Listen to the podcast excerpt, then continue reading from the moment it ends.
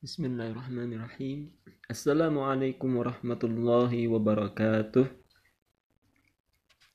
Ini Fedrian Hasman dan ini adalah rekaman buku Dialog Malaikat Maut dengan Para Nabi alaihi salam.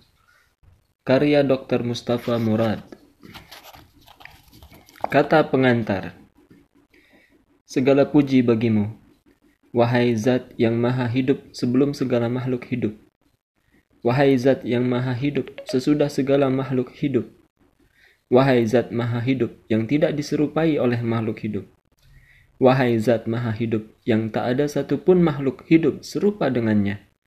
Wahai zat maha hidup yang tak ada satupun makhluk hidup bersekutu dengannya.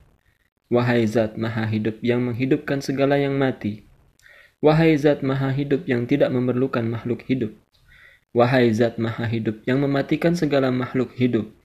Wahai zat maha hidup yang memberi rizki segala makhluk hidup. Wahai zat maha hidup yang tidak mati. Semua yang menangis pasti akan ditangisi. Semua yang meratap pasti akan diratapi. Semua yang diingat pasti akan dilupakan. Semua yang disimpan pasti akan lekang. Tidak ada selain Allah yang abadi. Siapa yang tinggi? Allah Maha Tinggi. Saya bersaksi bahwa tiada Tuhan selain Allah. Muhammad bin Ka'ab al-Qurazi berkata, saya membaca di dalam Taurat. Atau dia berkata, di dalam suhuf Ibrahim alaihissalam. Lantas saya temukan di dalamnya, Allah berfirman, Wahai anak Adam, engkau tidak berlaku adil kepadaku Aku menciptakanmu dan engkau bukanlah apa-apa. Lalu kujadikan engkau manusia yang sempurna. Aku menciptakanmu dari tanah liat.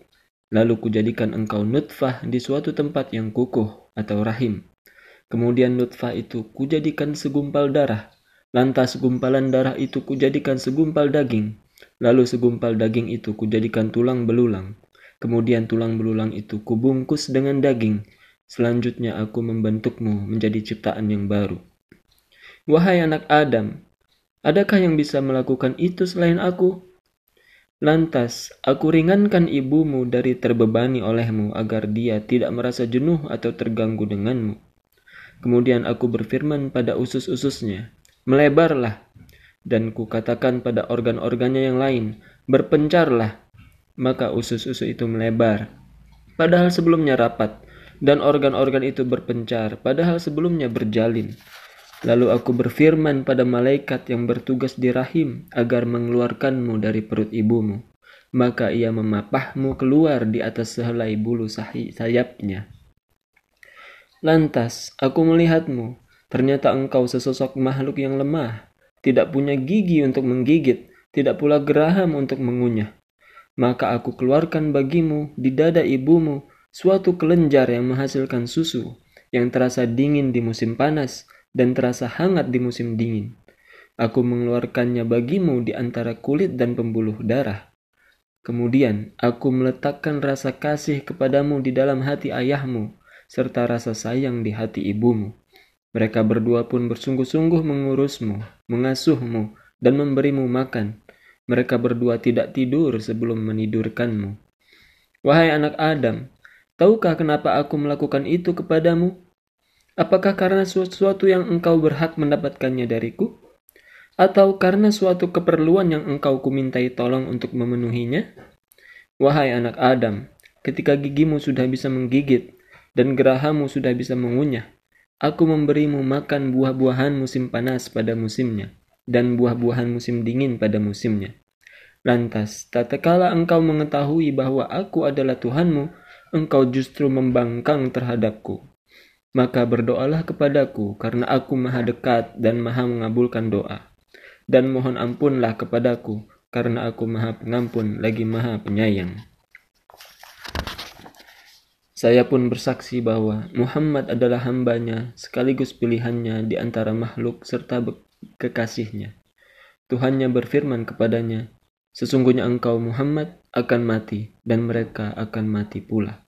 Quran Surat Az-Zumar ayat 30 Amma ba'du Sudah sepantasnya bagi orang yang pasti dijemput maut lalu bersahabat dengan cacing berkamarkan kubur, bertemankan duduk munkar dan nakir, berkumpul di hari kiamat, mendatangi telaga Al-Haud, menyeberangi jembatan Asirat, kemudian menetap dan tinggal di surga dan neraka untuk tidak memikirkan ataupun mengingat selain kematian.